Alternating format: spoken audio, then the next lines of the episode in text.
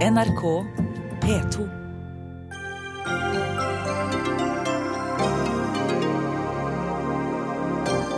Aldri et norsk budsjett uten at det settes rekord. Siv Jensen stakk fingrene ned i oljepengebingen, vraket poseavgiften og ga mer til kommunene. Er lærere som andre mennesker, eller motiveres lærere ikke av penger? Oslo Høyre vil gi lærere prestasjonslønn. Hva gjør et statlig norsk teleselskap i lutfattige og korrupte land uten demokrati, spør vi den påtroppende Telenor-sjefen. Og begeret er fullt, mener mediekommentator, for Gullruten er nominert til Gullruten er nominert til Gullruten.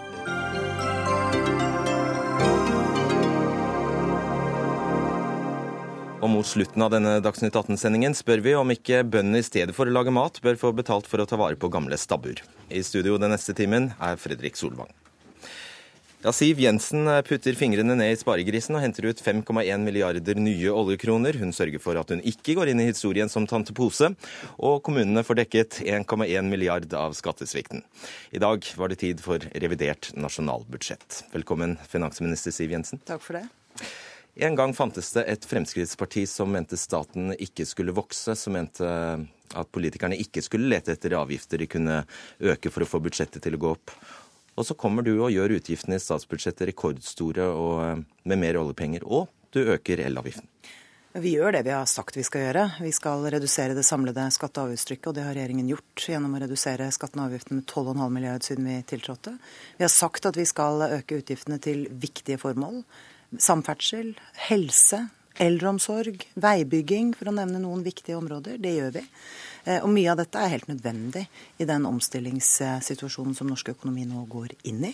Hvis vi ikke leverer lavere skatt, hvis vi ikke leverer økte investeringer i infrastruktur, satsing på forskning og utvikling, så oppnår vi heller ikke den omstillingen som norsk næringsliv nå er helt avhengig av, fordi vi skal ha en mindre olje- og gassnæring fremover. Men omstilling, omstilling, omstilling, sier du og dere. Men du gjør oss jo faktisk mer oljeavhengig.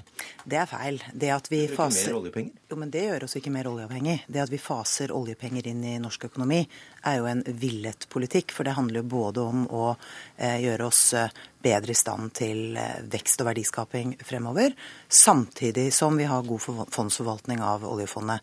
Så er det sånn at den omstillingen vi nå møter, handler jo om at oljeinvesteringene skal ned. Det har vi visst lenge. Det betyr ikke at olje- og gassnæringen skal bort. Den kommer til å være viktig i Norge i all overskuelig fremtid, men den skal bli mindre.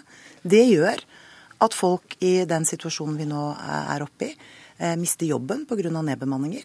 Det er vanskelig for dem. Derfor har vi levert permitteringsregler. Men samtidig må vi skape nye arbeidsplasser, og det tar tid. Og hvorfor øker du strømregningen til folk flest for andre gang på under et år?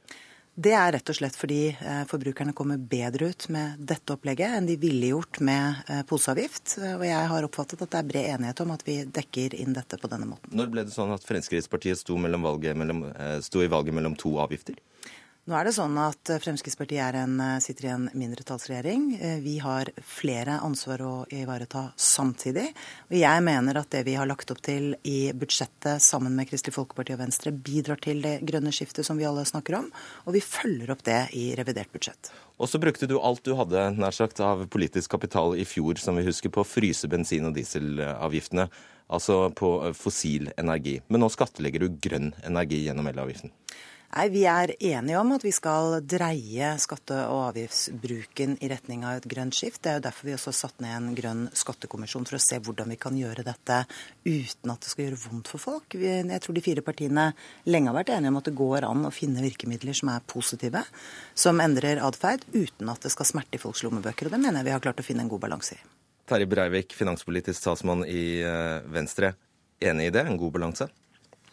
Altså For å ta det som, som, Venstre er udelt mest fornøyde med, så hvis vi starter med det rent som makroøkonomisk Morsommere med det du er udelt mest misfornøyd med. Ja, til hva du skal få, få glede av, da, kjære programmet. Ja, så er det jo selvsagt at dette bærer preg av et budsjett som, som, er et revidert budsjett. Det, det tror jeg er veldig viktig at vi politikere minnes på, ikke minst i en, i en situasjon hvor det kan være greit å, greit å ha kapital på lur i tilfelle du må, du må gjøre ekstraordinære tiltak i økonomien. Så, så er, jo, jo vi skeptiske til når du først når du først bruker så mye oljepenger og gjør den underliggende utgiftsveksten, eh, som det heter på dette, dette språket, altså bidrar til at eh, utgiftsveksten i statsbudsjettet stiger nesten dobbelt så mye som veksten i økonomien, eh, så bør nok en større andel av de pengene gå til nettopp omstilling i, i næringslivet og raskere taktskifte mot et grønt, grønt skifte. Og bare Bruk elavgiften som eksempel. da. Er dere, Syns dere dette er en fornuftig påplussing? Ja, Det som er veldig bra med, med en sånn moderat økning i elavgiften, er at du, du, gjør det enda mer attraktivt for, for husholdningene å investere i enøk. Nå må du huske på at vi òg i det ordinære, altså i statsbudsjettet som sådan, har jo lagt inn tunge virkemidler tilskuddsordninger for å stimulere til, til ulike enøktiltak, enten det gjelder varmepumper, eh, isolering osv. Og, så og kombinert med litt, litt høyere elavgift, så gjør det at det blir enda mer lønnsomt å investere i, i eh, enøk. Energi Norge er veldig lite fornøyd med det, har vi notert i dag. Ja, Siv Jensen, da har det altså skjedd at du får kjeft fra Venstre for, eh, for å øke statsbudsjettet for mye? Ja. Nå er det sånn at Den underliggende utgiftsveksten vokser mest når man øker utgiftene, og mindre hvis man reduserer skattene. Eh, og Det er jo kanskje verdt å minne Venstre på i kommende budsjettforhandlinger. Så skal vi til kommuneøkonomi. For dere gir altså kommunene 1,1 milliarder kroner Eh, mer i kompensasjon for en skattesvikt på 1,3 milliarder kroner. Hvorfor kompenserer du ikke hele tappet? Vi mener at vi etter en samlet vurdering har eh, gitt kommunene nå et godt bidrag til å styrke velferdsproduksjonen sin. Det er jo sånn at vi la opp til en vekst i kommuneøkonomien også i budsjettet i høst. Eh, og ved en tilførsel av 1,1 milliard i frie inntekter nå, så vil det være bra for veldig mange kommuner. Og jeg konstaterer at mange kommuner i dag har uttrykt glede og begeistring over den satsingen som regjeringen kommer med, men du vil selvfølgelig også finne noen som gjerne vil ha mer.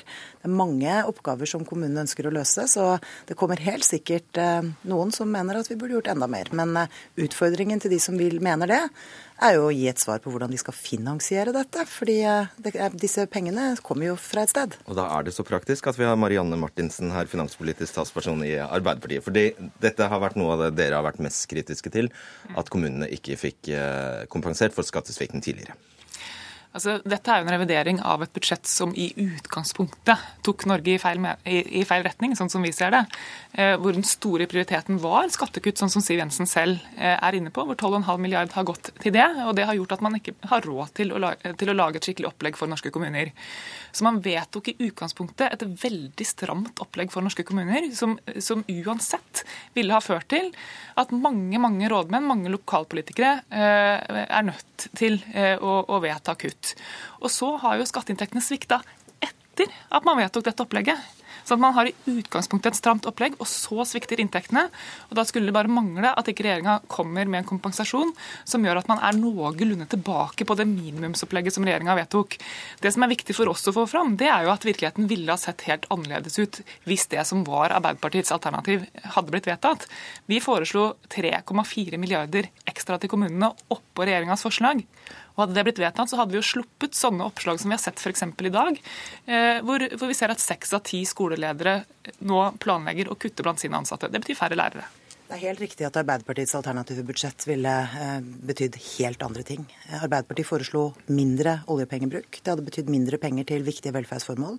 De foreslo å skjerpe skattene med 10 milliarder kroner. Hvis det er noen som tror at det er det norsk næringsliv nå ber om, høyere skatter i den tiden vi nå er inne i, så er det, altså det er rett og slett helt oppsiktsvekkende at Arbeiderpartiet turte å foreslå dette i høst. Og i tillegg er det jo da sånn, hvis Arbeiderpartiet nå ikke eh, skal øke oljepengebruken og ikke øke skattene, så har de bare ett eneste svar hvis de skal styrke kommuneøkonomien. Og det er å kutte enten i helsebudsjettet, politibudsjettet eller samferdselsbudsjettet. Og jeg kunne godt tenkt meg å vite hvordan Arbeiderpartiet har tenkt å finansiere dette, hvis de mener eh, at kommunene trenger mer penger, for da er det noen som må få mindre. Men dette er jo hele poenget, Siv Jensen. Vi foreslo i høst et budsjett hvor vi styrka kommuneøkonomien med 3,4 milliarder kroner. Milliarder. Det kunne vi gjøre fordi at vi ikke prioriterte skattekutt, som i all hovedsak går til de som har mest i Norge fra før. Og vi har spurt Finansdepartementet, vi, om de kan godtgjøre at dette har positiv stimuli, positiv effekt på norsk økonomi. Det svarer Finansdepartementet sjøl. Altså skattelettene? Ja, både på formuesskatt og på fjerning av arveavgiften, at det har, har, svært liten, om noen, effekt på norsk økonomi. Det er i det hele tatt. feil. Dette er, dette er feil prioritering. Når vi kunne legge fram et budsjett hvor vi både brukte mindre oljepenger og prioriterte viktige velferdsoppgaver, og da snakker vi om barnehager, skole, sykehjem, så var det nettopp fordi at vi ikke fulgte regjeringa på deres viktigste prioritering, som er skattekutt til de som har mye. de som har skoene på, programleder, altså norsk næringsliv, eh, ber om én, særlig én ting nå. Det er eh, konkurransedyktige rammebetingelser på skattesiden. Da har de pekt på formuesskatten, de har pekt på bedriftsbeskatningen, og regjeringen er i ferd med å levere på begge deler. Sånn at Arbeiderpartiets oppskrift med å skjerpe skattetrykket er ikke noe godt svar i den omstillingssituasjonen vi nå går inn i. Og bedt om et budsjett for lavere rente, og dere svarer med å øke oljepengebruken. Det sitter det en mann midt mellom dere. Breivik. Ja, og Det er ikke tvil om at sant, den ukjente variabelen i regnestykket til, til Martinsen og Arbeiderpartiet, det er jo nettopp det som, som finansministeren påpeker. Er. Hvordan hadde dette sett ut hvis da næringslivet i tillegg til de utfordringene som nå eh, både eh, halv, halv oljeprisskjær og, og andre utfordringer, hvis de i tillegg skulle hatt samme skattetrykket som tidligere. Og jeg syns òg det er veldig lettvint fra Arbeiderpartiets side å, å si at alt det som vi nå gjør i dette statsbudsjettet, hva gjelder å bidra til at næringslivet lettere skal omstille seg. En ting er skattelette, men òg å forsterke alt som er av brukerstyrte teknologiutviklingsordninger, enten det er SkatteFUNN eller, eller andre tilskuddsordninger, som gjør at du nettopp bidrar for at næringslivet skal være i stand til å beholde konkurransekraft i, i det som næringslivet opplever som en, som en forholdsvis tøff, tøff situasjon. Som igjen vi er helt avhengig av for at staten skal få penger til å sikre, sikre framtidig velferd. Du skal få svare, men jeg vil hanke dere litt tilbake til dette med kommunene. fordi altså, Det er jo slik da, Siv Jensen, at siden 2005 har eh, kommunene fått 26,7 milliarder kroner i uventede skatteinntekter. Og ikke en krone av dette har de spart. Og så kommer du i dag og sier det gjør ikke noe, dere får, eh, dere får mer av meg. Det handler rett og slett om at kommunene er ansvarlig for viktige velferdsgoder i vårt samfunn. Eldreomsorg, barnehager, skole. Men de Da lærer jo det- ingenting når du holder på sånn. Vel, vi har altså ikke fullt ut kompensert i tråd med de kravene som er gitt. og Det handler bl.a. om at kommunene eh, hadde et veldig godt lønnsoppgjør i fjor, som de også må være med å ta ansvar for. De kan ikke sende den regningen rett videre til skattebetalerne i en tid hvor vi klarer å gjøre flere ting på en gang. Vi skal nå også både styrke kommuneøkonomien fordi det er viktig å forbedre velferdsordninger, men vi må også ta den aller viktigste oppgaven på alvor. Nemlig det faktum at folk mister jobben rundt omkring som følge av eh, fall i oljeprisen, lavere oljeinvesteringer. Det må vi ta på alvor. Og svaret på det er jo ikke en masse krisetiltak som jeg har sett at Arbeiderpartiet roper på. Svaret på det er langsiktig omstilling. Da må vi sørge for gode, konkurransedyktige rammebetingelser for den olje- og gassnæringen vi har. Og vi må legge til rette for at bedriftene tør å ta nye investeringer i nye, moderne næringer Martinsen. fremover. Finansministeren vet veldig godt at Arbeiderpartiet har ikke ropt på verken krisetiltak eller krisepakker. Men vi har bl.a. kritisert regjeringa for å ha stramma inn i permitteringsregelverket i en tid hvor vi har sett at bedriftene møter store utfordringer. Og det handler ikke bare om de sysselsatte som, som eh, mister jobben istedenfor eh, å bli permittert, men også om at bedriftene mister verdifull kompetanse. Nå har vi sett i dag at regjeringa slår et trett på den saken, reverserer permitteringsregelverket. Det er bra, men det kommer for seint, og det hjelper veldig lite for de som allerede står i ledighetskø. Er det hovedkonklusjonen din? Er- For lite og for seint. Et gammelt ja, det godt slagord. Ja, det er ganske treffende, syns jeg. Okay. Men det viser jo et Arbeiderparti som egentlig ikke vet hvor de vil. Det er lett å sitte med og, og kritisere, men jeg har altså enda ikke hørt Marianne Martinsen fortelle hvordan Arbeiderpartiet skal finansiere dette. Det er sånn at det er bare tre muligheter. Øke oljepengene, øke skattene eller kutte i budsjettene. Og Hvis Arbeiderpartiet har tenkt å gjøre noen av de delene, så vil jeg gjerne vite det. Men dette lå inn i vårt budsjett i høst med full inndekning, så da kan, så da kan finansministeren bare lese. 10 milliarder i Og det kunne vi gjøre fordi at vi ikke prioriterte dine skattekutt. 10 milliarder i skatteskjerpelser, det er ikke et godt svar til de utfordringene norsk næringsliv står overfor. Men jeg skjønner at det er ubehagelig for Arbeiderpartiet å vedstå seg det. Siste ord til Breivik. Ja, da tror jeg til og med programlederen sitter mellom to damer som, Ja. som diskuterer de, de harde faktabudsjettene. Men dette er jo òg et, eh, et forslag til revidert som inneholder veldig mye bra ting på, med mjuke verdier. Og ikke minst en av de tingene Venstre er veldig fornøyd med i dag, er jo at regjeringen nå eh, legger på bordet i, i satsing på å bekjempe barnefattigdom, som, som vi virkelig vi har et felles ansvar for å gjøre noe med. Så kanskje noe av det mest, mest hjerteskjærende i, altså i velferdssamfunnet Norge anno 2015. 80 000 unger vokser opp i, i, i fattigdom. Så Sånn sett er jo vi veldig glad for at regjeringen nå følger opp noe som vi virkelig har prioritert tungt, tungt i, i budsjettforhandlingene så langt på Stortinget.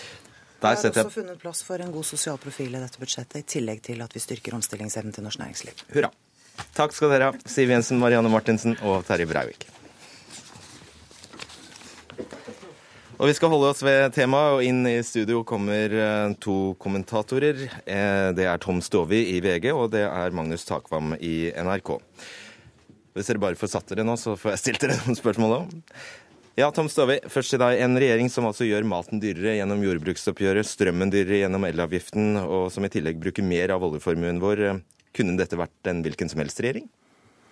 Uh, ja, i hvert fall retningen på oljepengebruken tror jeg man må kunne si at det kunne vært en hvilken som helst regjering. Vi har jo sett at oljepengebruken har steget år for år, og det har jo for så vidt også ligget inne i planen, fordi vi skulle fase inn stadig mer oljepenger i norsk økonomi. Og nå har jo oljefondet blitt så stort ikke sant? Vi laget jo en handlingsregel en gang i tiden hvor vi sa at vi skulle kunne bruke 4% av oljefondets størrelse ved årets inngang. I år var det 7000 milliarder kroner. Og nå bruker jo altså Siv Jensen mer oljepenger i dette budsjettet, men prosenten i forhold til oljefondet går ned. Så for så vidt så er hun lenger unna handlingsregelen nå, eh, altså makstaket, enn det hun var da hun la frem budsjettet sitt i høst. Så det forteller jo egentlig litt om hvor bra det har gått for oljefondet. Mm. Magnus Takvam, hvilket eh, budskap er det Siv Jensen og regjeringen forsøker å fortelle med dette budsjettet? Det er eh, at eh, den blå-blå regjeringen også er opptatt av velferd, og er opptatt av å ha en god sosial profil i sin økonomiske politikk. I motsetning til det som var imaget, så å si, og konklusjonen etter for så vidt både revidert i fjor og høstens turbulente budsjettbehandling. Den går, kommer til å gå fredeligere for seg nå, hvis vi da ser bort fra diskusjonen omkring Syria-flyktningene, som er en, en, et tema for seg. La oss bare ta det, fordi der er det altså ikke avsatt en krone. Nei, altså Det er det Erna Solberg har varslet i redegjørelsen til Stortinget om dette. 250 millioner til nærområdene og en del eh, til middelhavsoperasjonen osv. Men ikke til, til sto, den store konfliktsaken om økt Eh, bosetting eller til eh, økt kvoteflyktning fra, fra Syria. Og uansett hva tallet til slutt måtte bli, hvis det blir noen tusen, så er det penger som må budsjetteres i år. Ja, jeg tror det kommer til å bli eh, den første skal vi si, eh, dragkampen, nemlig om det i det hele tatt er realistisk å få eh, økt, eh, økt flyktningkvoten allerede i år, med de prosedyrene som ligger til grunn for overføringsflyktninger. Det er klart, ethvert tiltak som koster penger i løpet av dette året, må eh, dekkes inn på budsjettet. Stovi, hva er regjeringens hovedsvar på økt arbeidsledighet og, og deres mantra omstilling? Ja, det, så Hovedsvaret har vi jo fått eh, delvis i dag. Det har jo kommet noen uh, ekstra bevilgninger uh, altså uh, gjør det litt lettere å permittere og sånn. Men jeg la merke til under pressekonferansen i dag, så sier jo Siv Jensen at um, den store faren for norsk økonomi er jo et tilbakeslag i boligmarkedet og hvordan husholdningene i Norge har økt gjelden sin når boligprisene har steget. Eh, og Der ligger nok den største utfordringen, nesten uansett hvilken regjering vi hadde hatt nå. Nemlig at eh, det norske boligmarkedet og husholdningene trenger egentlig ikke en lavere rente. Men det er et av de viktigste eh, omstillingstiltakene i norsk økonomi nå, og det poengterte også finansministeren, er jo en lavere kronekurs. Og en lavere kronekurs den fordrer en lavere rente. De to uh, diametralt motsatte uh, egentlig forholdene der uh, er veldig vanskelig å få til å gå i hop. Og Det mener jeg er litt sånn elefanten i rommet akkurat nå i norsk økonomi. Hvordan, det er det at vi ikke snakker om hvordan skal vi bremse husholdningens gjeldsøkning. Jeg vet at det er på trappene at man skal snakke om det, men det bør jo helt skje før Eh, Norges Bank skal ha sitt neste rentemøte. fordi at Vi så jo hva som skjedde denne gangen. Når renta ikke gikk ned, så gikk kronekursen ganske kraftig med en gang. og Det kan kanskje forverre seg i neste runde. og Det vil være gift til norsk næringsliv og fastlandsøkonomi, som virkelig trenger en lavere kronekurs. Er det da rettferdig å si at eh, Siv Jensens midlertidige løsning er å ikke gjøre så veldig mye? Og hvor gordisk er denne knuten, Magnus? Altså, når det gjelder boligprisene, som dere var inne på nå, så er jo ett litt eh, omstridt forslag kommet fra Finanstilsynet mer kortsiktig for å, for å, gjøre det strammere for lånekunder å få lån og, og, la det være et bidrag. Dette svarer ikke eh, Siv Jensen på i dette budsjettet, det kommer før sommeren. Men mitt inntrykk er at eh, jeg tror ikke departementet fullt ut heller da vil følge, og regjeringen vil følge de rådene som Finanstilsynet kommer med. De argumenterer bl.a. med at den store krisen er i de store byene, og man kan ikke ha tiltak som på en måte rammer likt over hele landet. Så Det blir jo veldig spennende å se hvilke, hvordan de følger opp det. Men samtidig så er hun veldig, altså hun poengterer at uh, den finansielle, altså risikoen for finansiell stabilitet i norsk økonomi, den ligger nå på husholdningenes gjeld særlig. Til dette med kommunene. altså 26,7 milliarder kroner burde de eh, etter reglene nå hatt på bok. Eh, men hvor har disse pengene tatt veien? Eh, ja, det, det, er jo høyere lønninger. Altså Lønningene i Norge har steget kraftig de siste årene. De har tatt veien til dyrere og bedre velferdstjenester, flere oppgaver. Men det er jo ikke bare de pengene som har tatt den veien. Samtidig så ser vi jo at norske kommuner bygger opp stadig mer gjeld. Eh, og En av de viktigste grunnene den siste tiden til at kommunene har bygget opp mye gjeld, er jo at eh, pensjonsordningene i kommunal sektor har blitt dyrere. Renten har falt over år. Det betyr at det, de ytelsespensjonene man har, de koster stadig vekk mer penger. og Dette var noe Riksrevisjonen var ute og påpekte tidligere år, nemlig at gjeldsoppbyggingen i norske kommuner begynner nå også å se litt skummel ut. Og Magnus, helt til slutt. Det er kanskje ikke så veldig lett å motstå presset fra kommunene i et valgår? Nei, og en annen del av svaret på det du spurte om, er at man har hatt en voldsom investering i kommunene. Blant annet så har eh, det politiske Norge villet ha mange flere barnehager, full barnehagedekning, og det er ikke gratis. Eh, men i, helt konkret i dette reviderte budsjettet så tror jeg at eh, nettopp å øke, til og med øke den, eh, den eh, overføringen til kommunene fra 1,1 milliarder vil bli et hovedtema. Og jeg, tror, jeg tipper på at de kommer til å øke det litt mer. Vi får se. Takk skal dere ha, Tom Stovi og Magnus Takvam. Hør Dagsnytt 18 når du vil. Radio NRK Radio.nrk.no.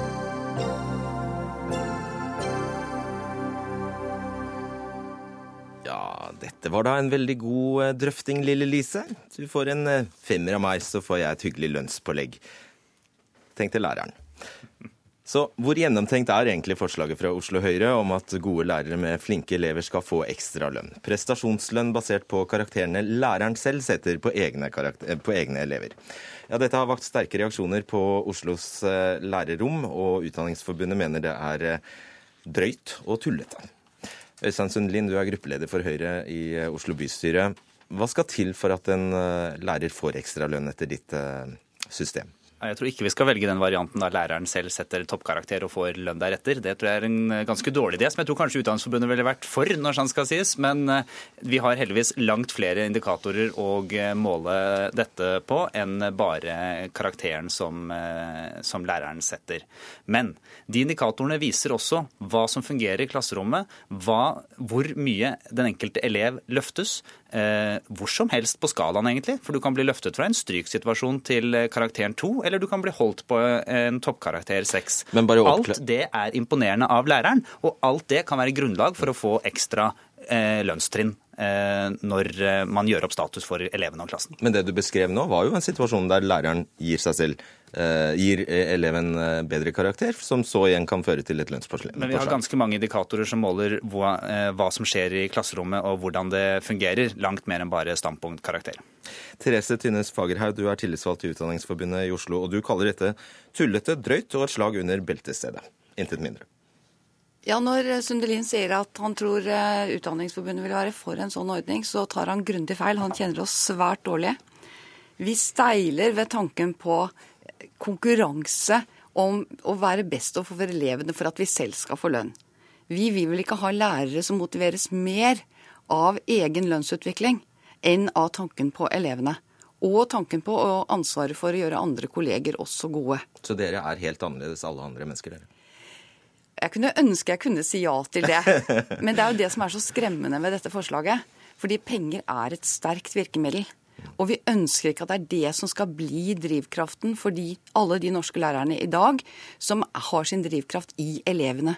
og i å gjøre det best for dem. Nemlig. Vi ønsker rett og slett ikke å konkurrere med hverandre om å få mest lønn. Vi ønsker å samarbeide Ja, for å gjøre det best for elevene. Men jeg tror alle lærerne i Oslo-skolen og resten av landet for den saks skyld går inn i klasserommene hver dag med det ønsket om å gjøre sine elever bedre. Og så har vi også muligheten til å faktisk måle, slå fast, vite mer om hvilke lærere som, gjør, som overpresterer, og hvem som underpresterer. Og da er mitt forslag at de ekstra lønnstrinnene som skal deles ut til lærere, da bør man skjele til hvem som overpresterer og får de beste resultatene for sine elever. Og som sagt, gode resultater det kan være løftet på bånn av skalaen eller på topp av skalaen. Og da er det helt vesentlig hvordan skal du hindre juks? Jeg har ikke lyst til å forsvare de som jukser, eh, og de teoriene som er om juks, verken elever eller lærere. Men du har indikatorer eh, som ikke går på bare hva læreren gjør. Eksamen, eh, tentamen kan rettes av andre lærere, nasjonale prøver kan rettes av andre lærere.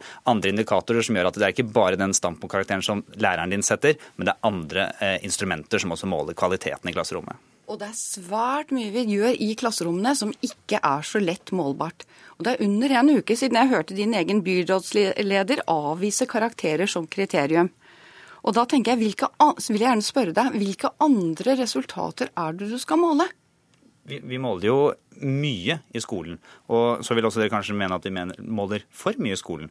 Men vi har, vi har karakterene, og så kan vi godt være enige eller uenige hvor gode karakterene er på å slå fast elevens eh, nivå i ulike fag.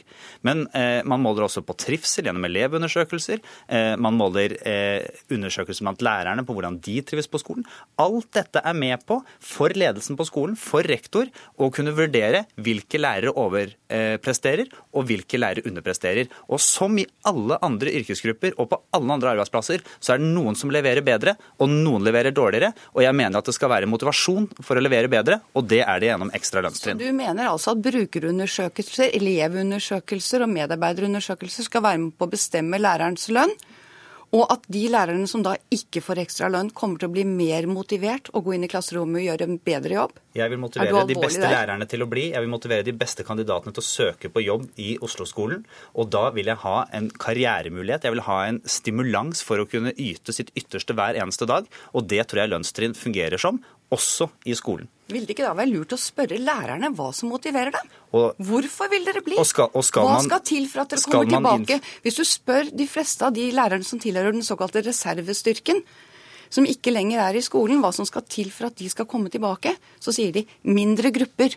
Større mulighet til å gjøre jobben min godt for de elevene jeg er satt til å ivareta. Ja, og det er- det er det svaret lærerne gir. Og det er helt sikkert også en god diskusjon, men jeg er overbevist om at man kan motiveres gjennom ekstra lønnstrinn, og de gode lærerne Og ikke en fortjene diskusjon vi tar akkurat i, i dag, men Fagerhaug, eh, hvorfor skal, skal en elendig lærer tjene nøyaktig like mye som en glimrende en?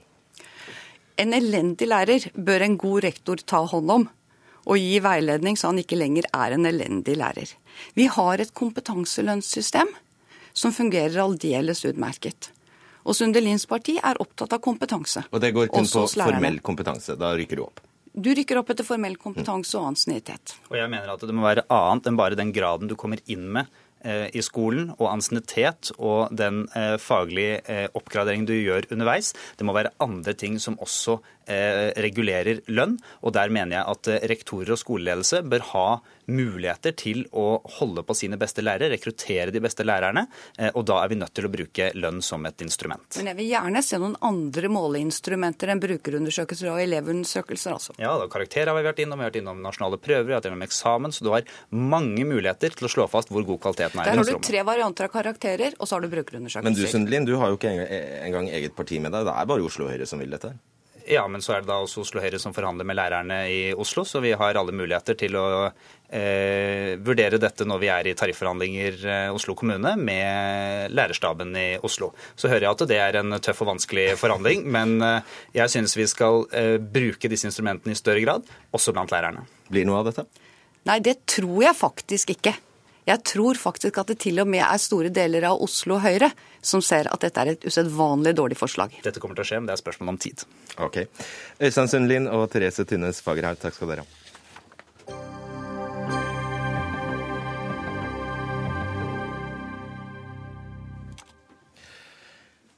Telenor har vokst fra å være et norsk telefonselskap til det som i dag er et av verdens største telekomselskaper med over 100 millioner mobilkunder bare i Asia. I dag presenterte selskapet sin nye konsernsjef, som får ansvaret for mer enn 33 000 ansatte over hele verden. Han tar over i august, når eh, Jon Fredrik Baksås går av etter 13 år i sjefsstolen. Og den nye Telenor-sjefen heter Sigve Brekke. Velkommen. Takk skal du ha. Du startet i Telenor i 1999. Hvordan så selskapet ut da? Nei, Da var jo Telenor stort sett et uh, selskap i Norge med noen få andre investeringer. Og det har vært en fantastisk reise å, å, være med på det Telenor var i dag. Og faktisk så er det ikke 100 millioner kunder, nesten 200 millioner kunder som vi nå har i 13 land. Og hvordan kommer Telenor til å se ut om ti år? Om ti år så kommer Telenor til å fortsatt være veldig kundefokusert. Det er det som har eh, gitt oss det vi er i dag, eh, og det er det som også kommer til å være vår framtidsstrategi. Det å forstå kunden, det å gi kunden det som kunden ønsker. Det skulle vel bare mangle, vel? Ja, det er lett å si det, men det er ikke fullt så enkelt å gjøre det. Eh, og om ti år så dreier det seg selvsagt om helt andre typer tjenester enn det vi har i dag. Det dreier seg om internettjenester. Og vårt neste sprang er da å, å gi alle våre kunder tilgang til internett. Ikke bare tilgang til til Internett Services, men faktisk også kanskje gå inn i noen av de internettområdene selv, som f.eks. finansielle tjenester, helsetjenester, um, utdanningstjenester osv. Hvorfor skal et norsk uh, teleselskap bygd opp på norske skattekroner, eid av meg og deg, mm. i det hele tatt erobre telemarkedet i fattige land i Asia? Ja, det vil jeg si at uh, Telenor jo, gjør dette for å tjene penger. Ingen tvil om det. Uh, I dag så er uh, over 40% av Telenors markedsverdi faktisk våre asiatiske selskaper. Og en stor del av den overskuddet og en stor del av det utbyttet som vi gir tilbake til våre eiere, bl.a. den norske stat, kommer også fra Asia. Så, så det er grunnlaget. Men når det er sagt, så er det også noe mer enn det. Vi ønsker også å være med å bidra til samfunnsutviklingen i disse landene her.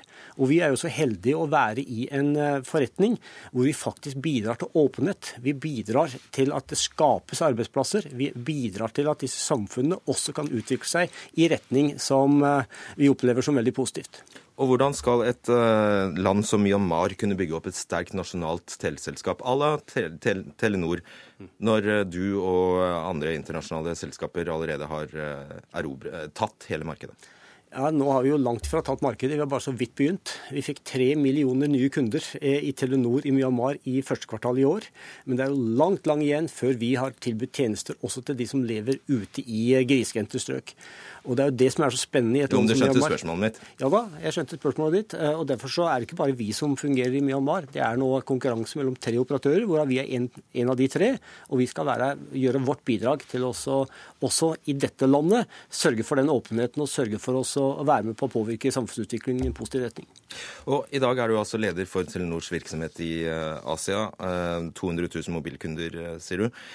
Hvor stor forskjell er det 200 millioner. Unnskyld, hva sa jeg nå? Ja. Hvor stor, ja. Hvor stor forskjell er det på å utvide, eh, utvikle eller utvide en bedrift i Europa kontra Asia? Ja, eh, Det som jeg kanskje er aller mest stolt av eh, i den, i den reisen til nå har vært en del av, er at vi har tatt den nordiske lederskapsmodellen, den nordiske måten å bygge organisasjoner på, og eksportert den til Asia. Eh, vi har tatt bort de eh, hierarkiene. Vi har eh, innført respekt for menneskene. Vi har innført ingen toleranse for korrupsjon og rett og slett bygd det på våre verdier. Det er jeg veldig stolt av. Når det er sagt, så er det klart at disse markedene fungerer veldig annerledes enn det de gjør i Norge. Og Norge er og vil bli det viktigste delen av Telenor. Det er her mye av innovasjonen fungerer, som vi da kan eksportere inn i de landene her som ligger an noen år tilbake i tid. I forrige uke kom Stortingets kontroll- og konstitusjonskomité med sin innstilling etter høringen om VimpelCom-saken, og da sa flertallet på tross av komiteens anstrengelser for å komme til bunns i saken, står fortsatt spørsmålet om det har foregått korrupsjon ubesvart. Verken statsråden eller Telenors ledelse kan gi svar på hvorvidt det har foregått korrupsjon i VimpelCom, og det er etter komiteens syn heller ikke tilstrekkelig grad godtgjort at tiltak er iverksatt for å forhindre korrupsjon av de ansvarlige deleiere, altså dere, av VimpelCom. Hvordan vil du sikre at eh, Telenor forhindrer korrupsjon i disse landene? Ja, Når det gjelder VimpelCom, så er jeg selvsagt kjent med den saken som, som en del av, av Telenors konsernledelse. Og Nå får vi se hva den pågående etterforskningen eh, gir. Eh, og så får selvsagt dette også et av de spørsmålene som jeg vil måtte håndtere når jeg blir konsernsjef. Men for å svare på spørsmålet ditt. Eh, det er ekstremt viktig for oss at vi i våre selskaper har en ingentoleranse for korrupsjon. Vi bruker enormt med krefter på å utdanne våre medarbeidere, 33 000 ansatte. Vi har, eh, har systemer rundt compliance, eh, vi har systemer rundt eh, revisjon. Og kontinuerlig forsøker vi å, å, bringe opp saker som vi da eh, ønsker å gjøre noe med når, når vi ser det. Og når det nye mobilnettet i Myanmar er oppe å stå, eh, vil Telenor da få krav om eh, å bidra til sensur og overvåkning, f.eks.? Hva gjør dere da? Nei, Det er en, en, av de viktige tingene eh, i alle våre markeder. Eh, og Det er derfor det er, vi er så opptatt av å ha helt klare regler i våre lisensvilkår og i de regulatoriske rammebetingelsene. Eh, vi skal ikke være et instrument for myndighetene, verken til sensur eller, eller overvåkning i noen som helst grad. Eh, og, og, derfor så I alle de landene som vi opererer, så er det veldig viktig at, at ingen av våre prinsipper eller våre verdier eh, trenger noen gang eh, å bli kompromissert. Så vi får aldri oppleve noen gang at Telenor havner i korrupsjonssaker igjen?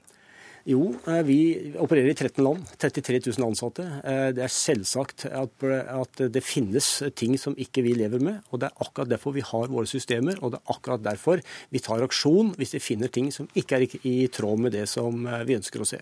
Siste spørsmål. Du får en grunnlønn på 5,9 millioner pluss insentivprogram på 30% og bonus på 50 av lønna di. Hvorfor trenger du så mye penger? Ja, jeg er fornøyd med lønnen min, eh, og, og, jeg skal gjøre hva jeg kan for å ta Nord til neste nivå, i sammen med de 33 000 ansatte som jobber i selskapet. Gratulerer med jobben, Sigve Brekke. Takk skal du ha. Kan det skje at under det TV 2-sendte showet Gullruten neste år, i 2016, at Gullruten får uh, Gullruten for å ha delt ut Gullruten i 2015 til Gullruten i 2014? I år skjedde det nemlig at Gullruten fikk Gullruten. Håvard Nyhus, du er mediekommentator i Bergens Tidende og Stavanger Aftenblad.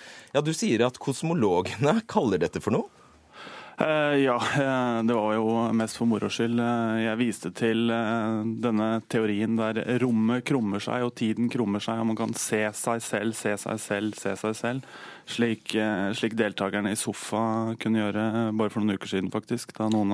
Så, så, det jeg prøver å være litt morsom på vegne av, er denne interne selvrefereringen i norske medier som går på veldig høyt turtall, og som eh, en Gullruten-pris til Gullruten er et eh, ganske godt eh, tegn og symptom på. Tenk om Gullruten faktisk var årets beste event? Ja, det kan være. og det er jo ikke, altså, Jeg har ikke noe problem med at Gullruten vinner Gullruten. Det er jo strengt tatt en naturlov. I, I, Norge finnes det noe sånt som 7500 journalister. 1000 mediepriser. Så hvis vi legger til grunn at sju-åtte stykker deler på hver pris, så skal jo alle norske journalister få en pris i løpet av året. Så, er, så Slik systemet er rigget, er det den naturligste ting i verden, at Gullruten vinner Gullruten. Jeg skal bare forklare det du nevnte om Sofa, altså TV-programmet Sofa som sendes på NRK. Der, der, er det altså slik at deltakerne der kommer til å se seg selv, eh, kommentere seg selv mens de kommenterer seg selv. Riktig. Ja. Leif Holst Jensen, du er styreleder i eh, stiftelsen eh, Gullruten. Ja, eh, prisindustrien kan komme til å implodere under tyngden av egen vekt, skriver Håvard Nyhus. Ser du den faren? Jeg ser den faren, og den faren har vi vært opptatt av ganske lenge når det gjelder Gullruten. Gullruten er kanskje et av de mest synlige sånn, priseventene vi har. Men jeg mener ikke at det er hos oss at inflasjonen har vært størst i forhold til antall priser. Men dette er en diskusjon vi har hvert eneste år. Eh, det har aldri vært laget mer TV, aldri i større bredde enn det er nå. Det betyr at det er masse ulike typer kategorier av program som må uh, vurderes og honoreres.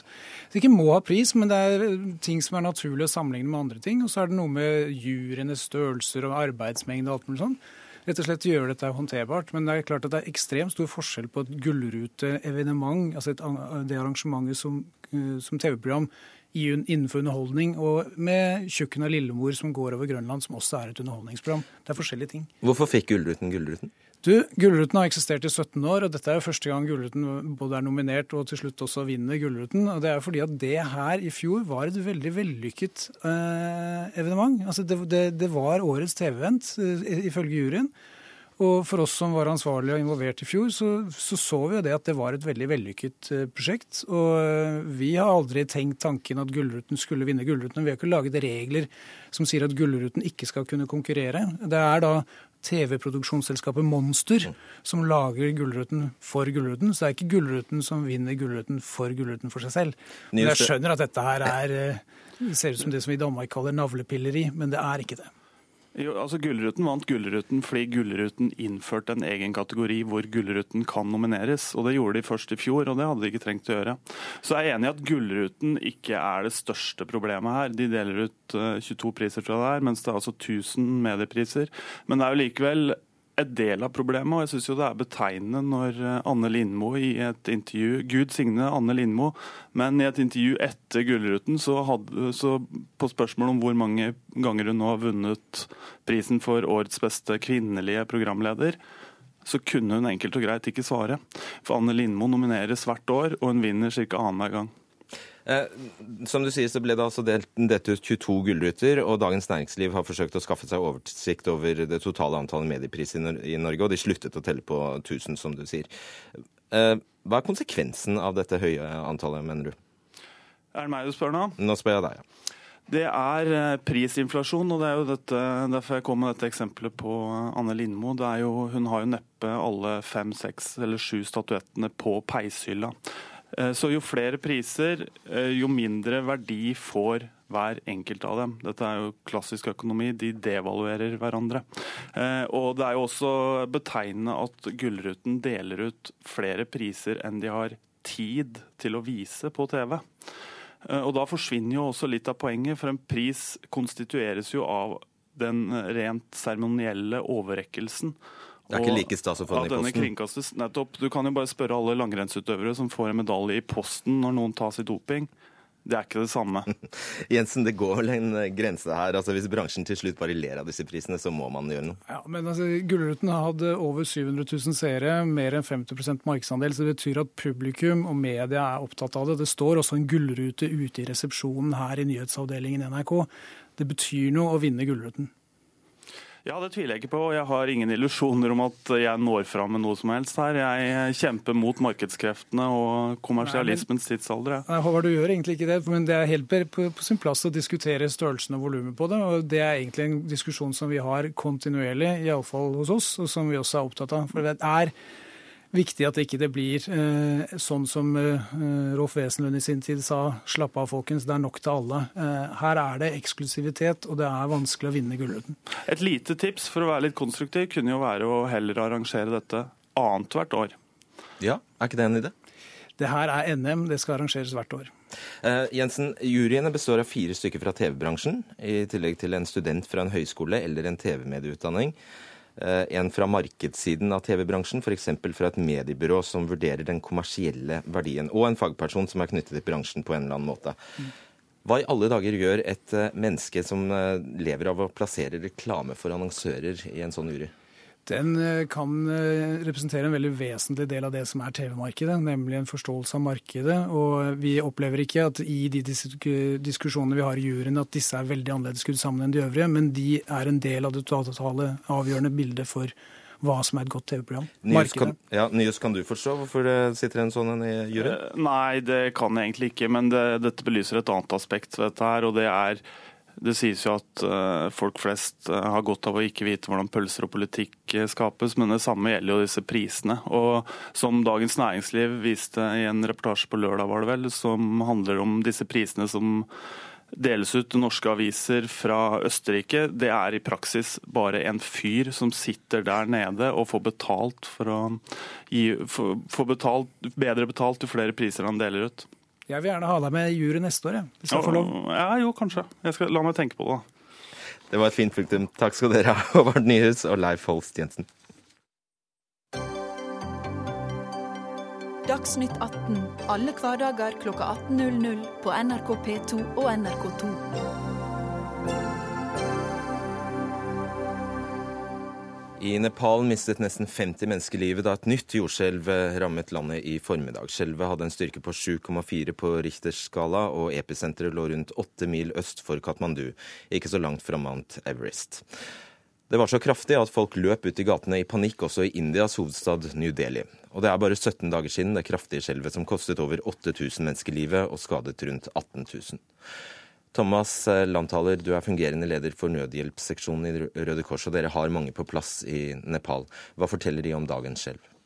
Vi har mange på plass. Vi har bl.a. et stort team som driver sykehus. Men vi har også et team i Katmandu vi har, et, eh, vi har ungdomsdelegater på plass. De var alle selvfølgelig litt skremt. Eh, vi fikk kontakt veldig raskt etter jordskjelvet med alle av dem, og det viktigste for oss var å finne ut at de, de har det godt, at de er trygge og uskadd, og vi fikk bekreftet det. Eh, de forteller at folk er redde. Folk har bodd på gata, så det er ikke så mange som ble skadet. Men negativt er ja at de bodde på gata fremdeles. At de har ikke hus. Og noen hadde håp. De bygde opp håp i det siste igjen. Men nå mister de også håp, for de husene som ble stående, de også raset ned.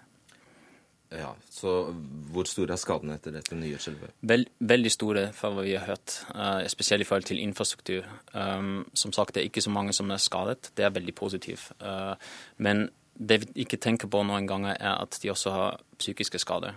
Så de bor på gata, de er redde hva som skjer nest. De vet ikke hvor, hvor de kan få hjelp. Uh, de trenger i tillegg til mat, vann og helse, trenger de også psykisk støtte. og Det ser vi også som vårt oppdrag. Mm. Hvor lang tid vil det ta nå for å få en full oversikt? Jeg håper at det går veldig fort. Uh, det er litt vanskelig å se hvor lang tid det tar, men vi, vi får informasjon innløpende. Mens vi snakker nå, uh, er det også informasjon som kommer inn, og vi håper at vi har en overblikk veldig, veldig snart. Eh, på hvilken måte jobber dere nå? Vi driver et sykehus. Eh, vi var jo på plass, og heldigvis har også sykehuset ikke tatt noen skade, så det er full drift. Jeg var nettopp på telefonen med teamet eh, for å sjekke hvordan det går. De holder med operasjoner fremdeles, selv om det er etter ti på natta allerede. Så det er folk som kommer inn i sykehuset. De, de ble behandlet dit for skader, men som sagt, vi også behandler folk som har som har psykiske eh, skader fra det, som er sårede, og de får litt sånn psykologisk først, førstehjelp, som det heter. Er det sånn at alle i Nepal nå har fått vann og mat? Det er vanskelig å si for oss. Eh, I vårt område er det sånn at, at vi, vi, gir man, vann til, eh, til, til, befolkningen, og vi, vi, vi, koordinerer med andre aktører som har mat, at befolkningen får den som fort som mulig. Er det spesielt krevende forhold for hjelpearbeiderne etter et sånt etterskjelv? Ja, Man må tenke seg at selvfølgelig er også hjelpearbeidet utsatt disse jordskjelvene. Eh, og hvis de har ikke vært i sånne jordskjelv før, så kan det selvfølgelig være veldig skremmende. Men vi har folk ute som er, er veldig profesjonelle. De er utdannet for, opplært i, for å jobbe i disse typene forhold. Og de, de, vet hvordan det er. De går gjennom spesielle, veldig praksisorienterte treninger hos oss. Og de har masse erfaring fra, fra sine jobb før. så Eh, de, de, driver med jobb, og de gikk umiddelbart tilbake med behandling av pasienter etter dette jordskjelvet. Og etterskjelvet er, eh, er, jo et kjent fenomen? Etterskjelvet, og de, Vi fikk informasjon at det var flere etterskjelv i dag, også nå i natt. De var ikke så sterke som det første jordskjelvet, men uh, uansett uh, er det selvfølgelig noe man, man må tenke på. Uh, man må forberede seg på. Det er vanskelig med jordskjelv, for man vet ikke når den, når den kommer til å skje. Men folk er forberedt, og vi har et sykehus som står godt på plass. Eh, hvor er behovet for hjelp størst nå? Det er vanskelig å si akkurat nå. Vi, vi fokuserer ja på det området vi er, men Røde Kors har jo flere nasjonalforeninger på plass. Nepalsk Røde Kors er overalt med, med, frivillige, så de, jobber, de har frivillige i hele landet. Uh, behovene er selvfølgelig veldig store uh, nærmest til, til, episentrum. Det er det vi, vi tenker nå. Men vi, vi finner ut om, om informasjonen om det har skjedd noe i andre områder. Eh, og det er fortsatt behov for, eh, for penger? Det er fortsatt behov for penger. Eh, nå igjen folk, folk, var veldig Vi er utrolig takknemlige for, til det norske folket, for de har jo støttet så mye allerede. Men vi har fortsatt behov for nå kommer nye ting som vi må jobbe med i de neste dagene. Sier takk til deg, Thomas Landthaler, fungerende leder for nødhjelpsseksjonen i Røde Kors. Takk.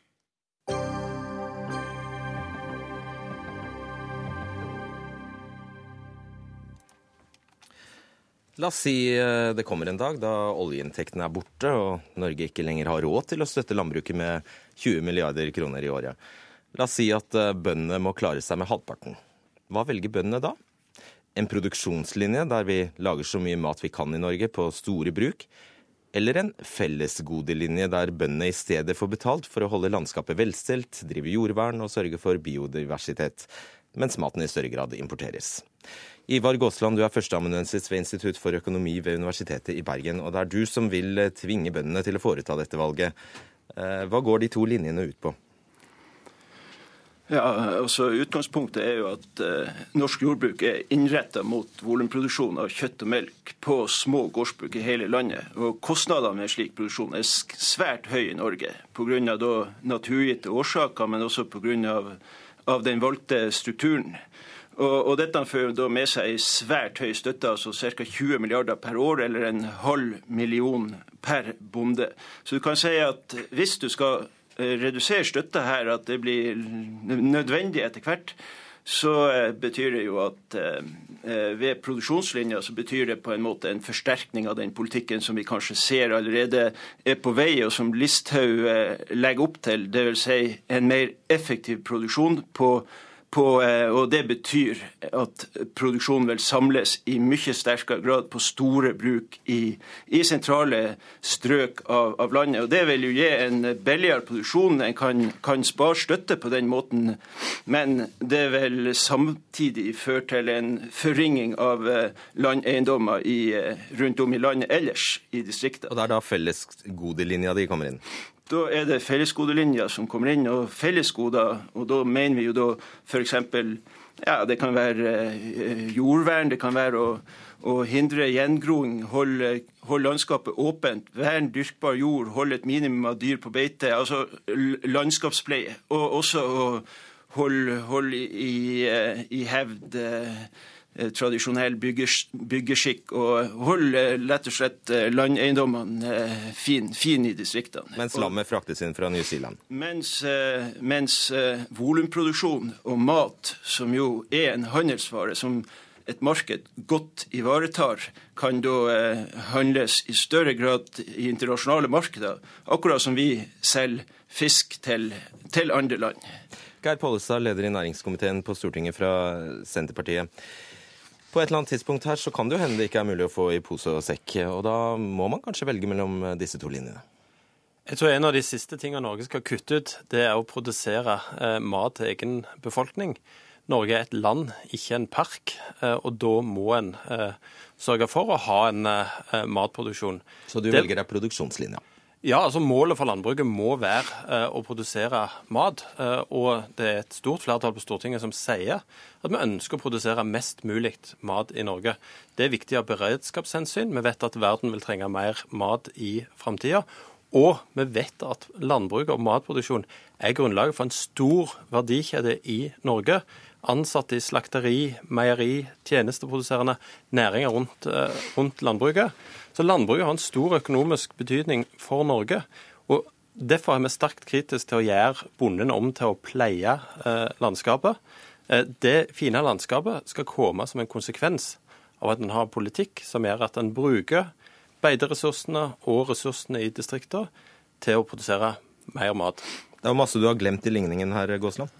Ja, altså, Pollestad skisserer jo her eh, Ole Brumm-politikken. altså Pose og stekk. En skal produsere mest mulig mat i Norge, og samtidig skal det skje på en ineffektiv måte, dvs. Si spredd rundt i hele landet. Og La oss si, eh, som programlederen innleda med, at det ikke er mulig å få i pose og sekk i fremtida. At man må redusere jordbruksstøtta. Så ved å stå så steilt på produksjonsgulvet, eh, produksjonslinja, så eh, velger en indirekte å, og, å nedprioritere kulturlandskap og, og, landeiendommer og det som er felles, fellesgodene fra, fra, jordbruket. Det er en naturlig konsekvens. La oss bare klargjøre det, for du sier altså at det å ikke foreta et valg er også et valg, og du mener det er egentlig det som skjer i dag? Det er det som skjer i dag, og vi har allerede, vi så det allerede Det har pågått lenge. og Også under den rød-grønne regjeringa med Senterpartiet så har det, har det skjedd ei, ei, ei forringing av, av, tilgroing i distriktene og, og en, en, en, forringing av landbrukseiendommene der. Og den linja er jo nå i ferd med å, å forsterkes under, under Listhaug. Pollestad, det er jo sant? Ja, om Gåsland og Listhaug har sin ambisjon om at vi skal pleie landskapet, så er vi ikke enig i det. Det som er svaret når en ser at landskapet gror igjen, ja, det er å satse enda mer på norsk matproduksjon, ikke å gi slipp på den. Fordi at Jeg tror ingen mennesker er i stand til å konkurrere med sau og geit når det gjelder å holde eh, kulturlandskapet i hevd. Og Så er det en side av dette som òg blir oversett, og det er jo dette med sunn og ren og trygg mat. Når vi vet at eh, norsk landbruk eh, så bruker en i Sverige tre ganger så mye antibiotika, i Tyskland 50 ganger så mye, i Italia 100 ganger så mye antibiotika. 25 000 dødsfall i Europa hvert år som følge av antibiotikaresistens. Det må jo òg ha en verdi, selv om det kanskje ikke passer inn i professoren sine, sine beregninger. Så er det òg en verdi som jeg tror det norske folk er opptatt av. Og jeg vet at det norske folk er opptatt av å ha ren og trygg mat, og deler Senterpartiets oppfatning av at norsk landbruk er fantastisk. Og vi ønsker å ha et landbruk i hele landet. Vil du forgifte oss med livsfarlig dansk bacon? Ja, altså, Det der er jo et klassisk eh, argument fra næringsinteressene og, og, Senterpartiet. Er det usant? Og det er, det er jo klart at eh, eh, Myndighetene i Sverige, i Danmark, i Frankrike, i Tyskland de er også opptatt av sine innbyggeres ve og vel. De driver ikke og forgifter sine, sine. Og jeg har, jeg har vært, jeg, jeg har reist i Europa mange ganger og spist alt jeg har kommet over, men jeg har aldri blitt syk. Nei, men det er et faktum at Italia har 100 ganger til høy antibiotikabruk som Norge. Og vi må ha i en verden som vil trenge mer mat, så er det faktisk effektivt eh, å produsere i små enheter. Fordi at kostnaden med mat er mer enn kun prisen i butikkhylla. Ta, ta, stilling til en konkret påstand fra, fra Gåsland. Altså Et typisk melkebruk i Nord-Norge på 400 dekar får vel en million i støtte til å dekke kapitalutstyr, kraftfôr og, og kunstgjødsel. Tror du ikke at, eh, at, eh, landskapet kan holdes i god eh, skikk for under 2500 kroner per dekar? Jo, men for de pengene For det første er det vanskelig å drive landbruk i Nord-Norge. Men for de pengene så får en òg arbeidsplasser knytta til meierier, til tjenesteleverandører. Og landbruket er jo vært utgangspunktet for annen verdiskaping som vi har hatt i Norge. F.eks. havbruksnæringa. Og all matproduksjon henger sammen. sånn at Landbruket er bærebjelken for at det bor folk i hele landet, for at vi er et attraktivt uh, turistland. Sånn at en må se mye bredere enn det en gjør her. Og det er ikke et mål å importere mest mulig mat. For Senterpartiet er det et mål å produsere mest mulig mat i Norge. Hvor skal disse menneskene gjøre av seg, Gåsland? Altså, eh, arbeidskraft det er jo en ressurs som vi, og spesielt når, eh, hvis det blir nødvendig pga. Eh, omstilling. altså Arbeidskraft er en ressurs som vi må bruke best mulig. Vi må ikke sløse med arbeidskraft. Jo, jo. Og når, når, vi snakker om, eh, når vi snakker om om, eh, om, næringsmiddelindustrien, som Pollestad nevnte, som er den nest største eller største fastlandsindustrien etter leverandørindustrien til olje, så, så er det jo litt skremmende at at, eh, og litt, eh, litt faretruende for Norge at det er den, eh, en, en industri som er tungt beskytta og skjerma og svært lite produktivt, er den største fastlandsindustrien i Norge. Det lover ikke godt for, for den omstillinga vi, vi, må få. Men, men Gåsand har et logisk brist her i sitt resonnement. For han snakker også om at i Norge så, så blir det nedgangstid, så vi har ikke råd til å holde oss med et landbruk. Samtidig så er vi et land der det er knapphet på på arbeidskraft. Eh, så, så en må på en måte eh, bestemme seg. Jeg tror at eh, Norge også i framtida både må og kan ta seg råd til å ha en egen matproduksjon. Og skal en nå målet om å øke norsk matproduksjon, så kan en ikke kun ha store bruk i de sentrale strøkene. Det går ikke i hop. Fordi at det her handler det ikke om å produsere industrivarer, det handler om en biologisk prosess, å bruke jord og bruke beiteressursen. Og det er det politikken må ta hensyn til. Gåsland? Ja, altså, jeg kan jo illustrere hvor ineffektiv og lite produktiv eh, jordbruksproduksjon i Norge. Veldig veldig. Altså, det gis da eh, per bonde 550 000 kroner i støtte per år. Og til tross for det så er avlønninga til arbeidskraften bare det halve. Altså Selv om en får eh, dekt over en halv million i støtte per bonde, så klarer en ikke å avlønne arbeidskrafta med mer enn 250 000. Og det er jo skremmende lav produktivitet. Og det skyldes jo selvfølgelig naturgitte betingelser og struktur. Ingen næringer har hatt større effektivitet. Der må jeg si takk til, jeg si takk til dere, Ivar Gåsland og Geir Pollestad. Denne Dagsnytt 18-sendingen er eh, slutt. Ansvarlig for den var Alf Hartgen teknisk ansvarlig Lisbeth Seldreite og jeg heter Fredrik Solvang.